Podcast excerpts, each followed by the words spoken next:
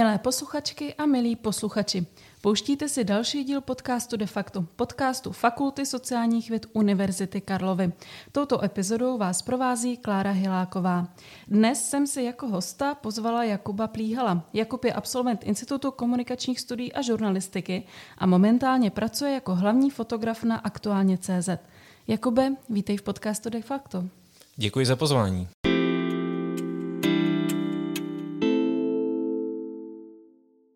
Začnu velmi zlehka, otázkou možná trochu prostou. Eh, máme pořád lepší mobily, pořád lepší foťáky na telefonech. Eh, může být dnes v uvozovkách fotografem každý? Uh, doba tomu jako trochu nasvědčuje, to je pravda, že teď to vypadá, že kdo má mobil, tak má Instagram a kdo má Instagram, tak je fotograf.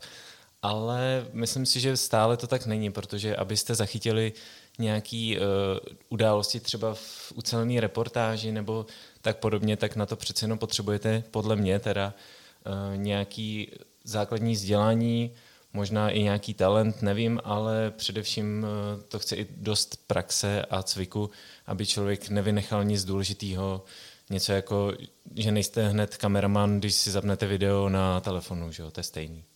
Jakube, ty jsi vybral uh, hlavně dokumentární fotku a komentované fotoreportáže. A proč zrovna tato cesta? Proč ne třeba portréty nebo nějaké stylizované fotky? Uh, protože tahle cesta mi vždycky byla nejbližší už za studií a vlastně i před nima jsem hodně sledoval portál aktuálně CZ, kde právě uh, můj bývalý kolega Ludvík Hradílek uh, komentované fotoreportáže hodně rozvíjel. A mě to velmi zaujalo, protože to je přesně cesta, kterou jsem se chtěl dát, protože i psané slovo mi je celkem blízké, takže jsem to, co jsem viděl, jsem chtěl zachytit nejen v obraze, ale i vlastně v psaném textu. A to si myslím, že na to jsou ty komentované fotoreportáže právě u nás na našem serveru ideální. Takže od toho se právě odvíjí ta moje, eh, to moje zaujetí reportážní, respektive dokumentární fotkou. Můžu se zeptat trošku drze, kolik je ti let? 32 let mi je. 32 let a ty jsi hlavním fotografem od roku 2019? Nemýlím se? Je to možný, ano. Jak se to tak stane, že takhle brzo se člověk vlastně vypracuje na takový vlastně prestižní post? Eh, no, stalo se to shodou šťastných náhod. Eh, víceméně vlastně je to tak, že já jsem nastoupil na aktuálně už v roce 2015, jestli se nepletu. 2014, já jsem si to hledala. 14, dobře. tak 2014 eh, a při studiích a vlastně pak se uvolnilo místo fotografa na plný úvazek, protože kolega odcházel eh, z médií pryč a já jsem teda nastoupil místo něj, díky tomu, že o mě právě věděli a že jsem fotil a tak uh, si mě vytáhli. No a potom se stalo, že, uh, že zase další kolega odcházel, když se zakládal deník N, uh, tak to byly velké přesuny mezi redakcemi a vlastně se tak nějak stalo, že jsem se stal já tím hlavním fotografem faktuálně. Možná by se dalo říct jediným. Jak probíhá vlastně ten redakční proces? Jak se rozhoduješ, nebo rozhodujete v týmu, nevím, co budete fotit, co nebudete fotit, co budeš fotit ty, nebo nějaký kolega, mhm. čemu věnovat víc té energie, nehledě na to, že ty máš za sebou řadu i focení vlastně v zahraničí. Tak jak tohle funguje? Uh, funguje to velmi jednoduše. Uh, vlastně ty témata se buď, eh, ty témata si buď vymýšlíme sami, nebo sám já. To znamená, že si řeknu, že tamhle se něco děje, nebo tamhle má někdo zajímavý příběh, mohl bych to nafotit, tak tam zajedu a pokryju to vlastními silami. Případně přijde typ z jiného oddělení, třeba z domácího nebo z ekonomiky, případně z toho zahraničního, když se jede na zahraniční cestu a řeknu, Jakube, nechtěl by si prostě vyrazit tady s redaktorem, s redaktorkou někam na, na cestu, a pak funguji klasicky jako vlastně fotograf i v jiných médiích nebo podobně, kdy, kdy pokrývám to, co se tam děje, ale zároveň eh, sloužím jako takový obrazový servis k tomu článku. Takže to jsou takové dvě cesty, které tam mám, buď sám, anebo, nebo s redaktorem. Zeptám se, nebo vrátím se možná ještě trošičku na začátek, když jsme se bavili hodně o, té, o té, mm, těch fotoreportážích. Když ty se díváš na ty svoje fotky, jaká jsou měřítka, podle kterých ty se rozhoduješ, jestli ta fotka je dobrá, publikovatelná nebo ne. Musí tam být nějaká emoce, zachycená historická událost, nebo podle čeho se vlastně rozhoduješ? Uh, to je dobrá otázka. Uh, tak v první řadě se snažím, aby ta fotka byla technicky samozřejmě uh, správně, takže aby byla ostrá, aby, aby, aby tam bylo to všechno to, co má být na té fotce a to je vlastně možná to klíčové, co na ní má být, aby, aby byla použitá. Tak především tam má být to dění, který se snažím zachytit a tím, že u nás pracujeme právě v těch větších souborech, v těch fotoreportážích třeba 20-30 fotek, klidně i víc občas výjimečně, tak, eh, tak eh, se tam ne na každé fotce musí dít taková, ne, ne každá fotka má takovou tu ambici stát se titulní fotkou novin třeba, že to je v tom je ta práce jiná, že fotografové od novin nebo z agentur se v každou fotku snaží udělat tak, aby mohla jít prostě na titulku takzvaně, ale u, nás se třeba těma fotkama snažíme vyprávět příběh, takže nějaká může zachycovat jenom třeba detail na klopě, třeba dem, na demonstraci někoho, že má nějaký odznáček, tak ta sama o sobě fotka by neustála jako nikde jinde prostě, že by jí asi nikdo neotiskl jen tak, ale v rámci toho celku té reportáže dává smysl. Takže já se snažím už během té práce si vlastně dávat v hlavě celkový obraz té fotoreportáže a potom dle toho vybírat ty fotky. Ty fotíš události, které jsou často nějakým způsobem vyhrocené, možná dramatické, ať už to jsou prostě demonstrace eh, eh, nebo, nebo různé konflikty v zahraničí. A jak si udržet odstup? Jde vůbec v takové chvíli si udržet jako nějakou neutralitu? Eh, já se o to snažím a Především to dělám tak, že foto, eh, fotoaparát používám vlastně jako takovou, takovou jako bariéru mezi mnou a tím děním, že vlastně díky němu jsem odstřižený od toho dění, takže eh, tím se snažím nebýt zainteresovaný, ale samozřejmě člověk má názory, člověk eh, vidí nějak svět, čte, takže samozřejmě, když se něco děje, tak na to většinou má samozřejmě nějaký názor, ale snažím se ho nereflektovat, jak jen to jde. A stalo se ti někdy... Uh ty říkáš, že vlastně to, ten foťák máš trošku jako bariéru mezi, mezi tebou a, a tou událostí, kterou fotíš, ale stalo se ti někdy, že jsi přesto do té události byl nějakým způsobem zatáhnutý, že jsi byl třeba napadnutý, třeba jenom slovně uh, jednou stranou toho konfliktu třeba? Jo, interakce s uh, lidmi je celkem častá věc, ať už se jedná o demonstrace nebo třeba i něco jiného třeba mě napadá teď, když tady byl čínský prezident na návštěvě, tak, eh, tak to jsem fotil a to tenkrát eh, si asi všichni vzpomínáme, že tady byli nahnáni vlastně ty demonstranti eh, čínští, kteří si nebrali servítky, tak ty třeba do lidí jako do fotografů a tak strkali a nadávali, když, jim, když je člověk fotil. A, a, ale nadávky a další věci jsou slyšet i třeba teď na různých nacionálních demonstracích a tak. A i na jiných věcech lidi vás vnímají s tím foto, fotoaparátem, takže se samozřejmě interakci nevyhnete, uh, ale snažíte se to vyfotit ještě buď předtím nebo potom po té interakci, protože jinak ty lidi na vás koukají a to pak uh, samozřejmě je inscenovaný a není to ono. Takže uh, to jsi to teď trošičku zmínil, byl jsi teď i vlastně na těch nedávných demonstracích na Václavském náměstí? Na obou vlastně, obou stranách? byl jsem jenom na jedné, na té druhé jsem nemohl, byl jsem na té právě eh, nacionální, řekněme. Eh, jaký z toho máš pocit? Jak to na tebe působilo tam? A mm, co byla třeba možná nejlepší fotka z téhle, z téhle akce tvoje? Eh, tak nejlepší fotka to asi nedokážu říct, já se jako nekochám zpětně svými fotkami, neříkám si, hm, tady to je pecka. Ale co, a jak to na mě celkově působilo, tak uh, musím říct, že asi jako podobně jako všechny tyhle akce, že zase jako silná národovecká retorika z pódia, lidé, kteří mají strach uh, z různých důvodů, tak tomu tleskají. Člověk se to snaží tak nějak jako zase zachytit především tu atmosféru tam, to znamená ty vlajky a, a všechny tyhle ty jako vizuální symboly té akce a všechny ty řečníky a, a nesmí chybět často právě na takových velkých akcích eh, pohled z vrchu, aby člověk měl, čtenář představu, kolik tam vlastně bylo lidí, protože to potom byla jako velká debata, samozřejmě kolik tam bylo lidí. Takže to se taky snažím vždycky udělat. Takže tomu fotky vlastně pomůžou trošku. Já doufám. uh, už jsme zmiňovali, že ty fotíš i v zahraničí. Já sama se přiznám, že poprvé jsem tě zaregistrovala právě, když jsi fotil uh, protesty proti zákazu potratu v Polsku. Uh, mě vlastně trošku mrzí, že nemůžeme tady v tom našem podcastu ty fotky ukázat, tak uh, určitě vyzývám posluchače, ať se potom najdou. Ale, ale nebylo to jenom tohle. Byl to třeba i Irák při osvobozování Mosulu, nebo poměrně, dá se říct nedávno, cesta na Ukrajinu s tehdejším šéfredaktorem aktuálně Josefem Pazderkou. Uvědomuje si člověk v tu chvíli, že prožívá něco zásadního, jedinečného, historického, bytě ne v tom pozitivním smyslu samozřejmě. Uf, to je taky docela zajímavá otázka, jestli takhle na člověka padají ty dějiny jako v úvozovkách. No, asi svým způsobem ano.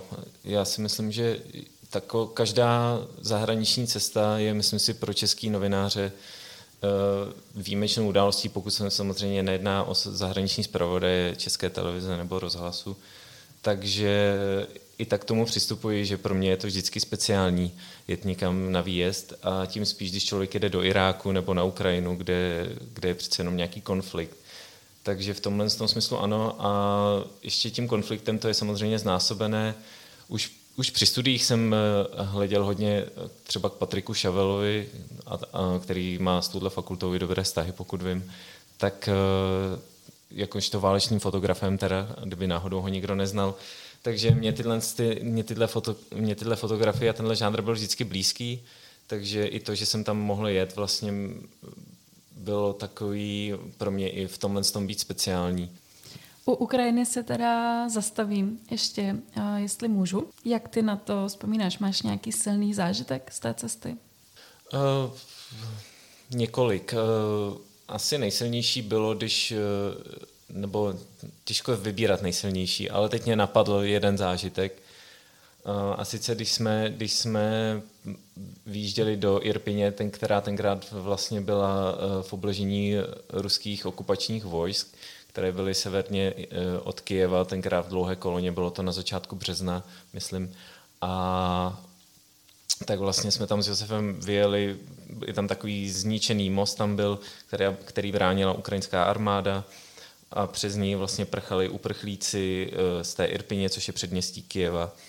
A na druhou stranu vlastně po té samé lávce přes tu řeku eh, si podávali dobrovolníci zbraně a rakety a podobně.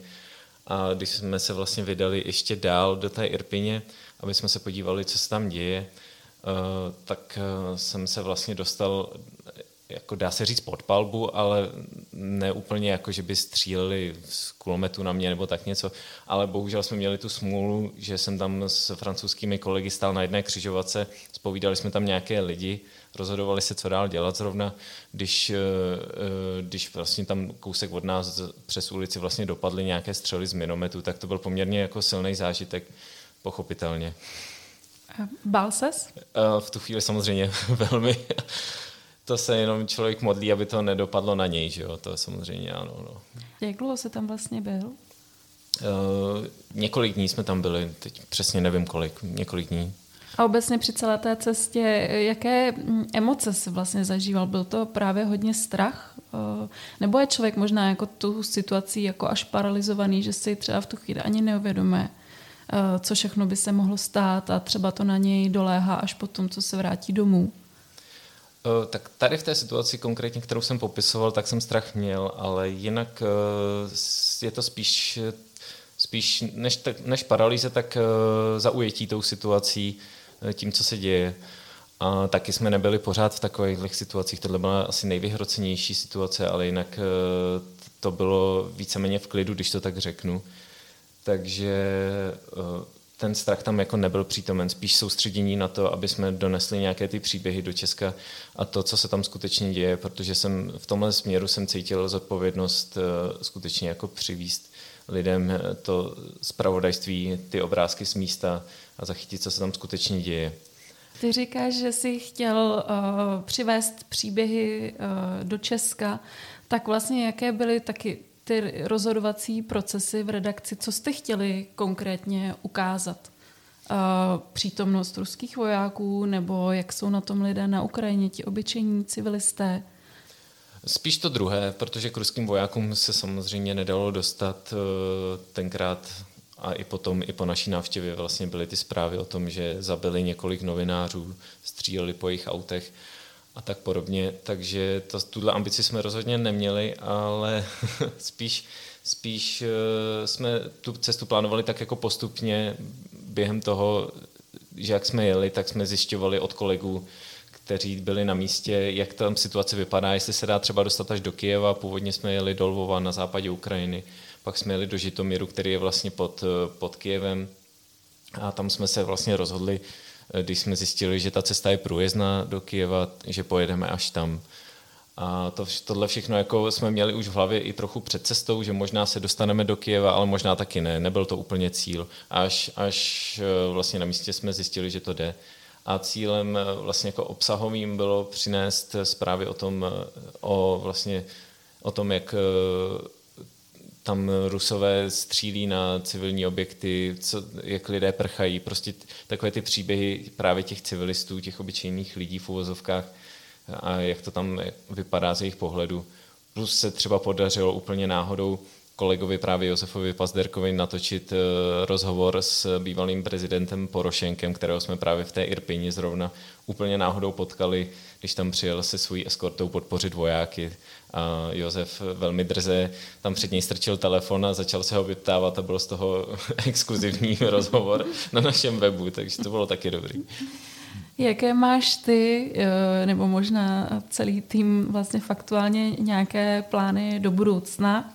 Eh, chceš se vrátit na Ukrajinu, nebo, nebo jakým tématům eh, by se chtěl třeba ještě teď v blízké budoucnosti věnovat? Určitě si myslím, že se tam, nebo bohužel si myslím, že se tomu nevyhneme, aby jsem se tam vrátil a konec konců kolegové z jiných médií tam taky jezdí opakovaně. Ono totiž musíte i dostat nějakou takovou akreditaci od eh, ministerstva obrany Ukrajiny, která vás opravňuje jezdit tady do těch oblastí, takže když už člověk má, tak eh, vlastně je snaží, aby tam člověk znova vyjížděl. A takže to, moje plány v tomhle tom smyslu uh, jsou takové, že počítám s tím, že se tam asi znovu vyjedeme. Konec konců jsem tam byl i po druhé, teď někdy v létě, kdy jsme se tam byli podívat zase s kolegou Martinem Novákem na jich Ukrajiny, do Oděsy, a podobně do, do blízkého okolí, eh, jak to tam vypadá. Takže je dost možné, že pojedu i na další cesty. Myslím, že se blížíme do poslední třetiny našeho rozhovoru, tak já trošku odlehčím. A kdy ti bylo jasný, že fotograf, fotografování je to, a čím se chceš živit? Bylo to už při studiu na FSV? Uh, eh, abych odpověděl jednoduše, tak ano. Eh, jo, na, už na žurnalistiku jsem nastudoval, nastupoval s tím, že se chci rozhodně věnovat fotce, právě ideálně komentované fotce, takže k tomu směřovaly i moje kroky během studií a i po nich. Eh, jak ty vzpomínáš na FSV? Eh, dalo ti to studium tady něco, naučilo tě to něco, nebo možná někteří vyučující, jestli ti předali něco zásadního, z čeho čerpáš dodnes? Eh, rozhodně mi to dalo dost. Jednak, eh, jednak po té eh, stránce vzdělání, kdy vlastně výuka fotografie je na této škole na vysoký úrovni podle mě. Takže to mi dalo asi nejvíc. Už bohužel se snulým Filipem Lábem jsme měli fotografii a s jeho maminkou Alenou Lábovou.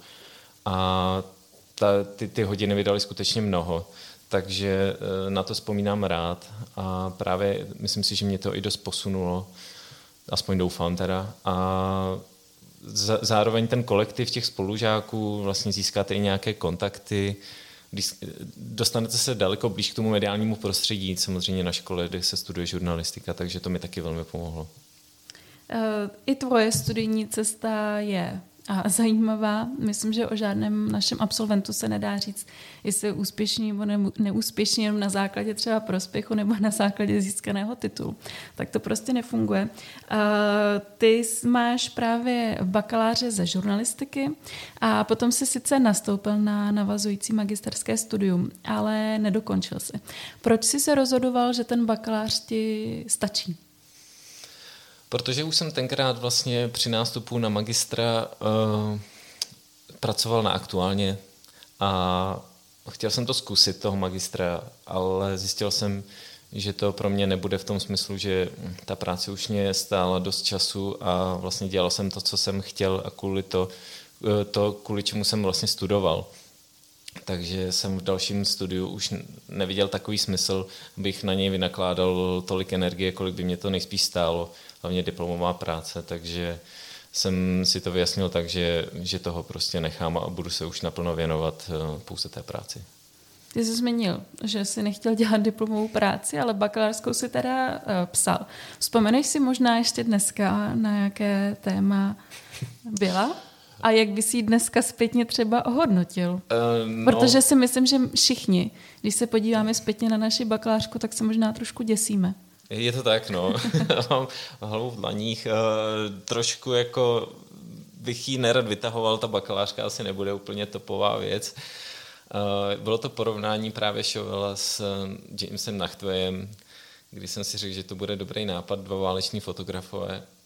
A psal jsem to, jak už to tak bývá, hodně narychlo před termínem a málem jsem ji neobhájil, takže její úroveň není úplně vysoká.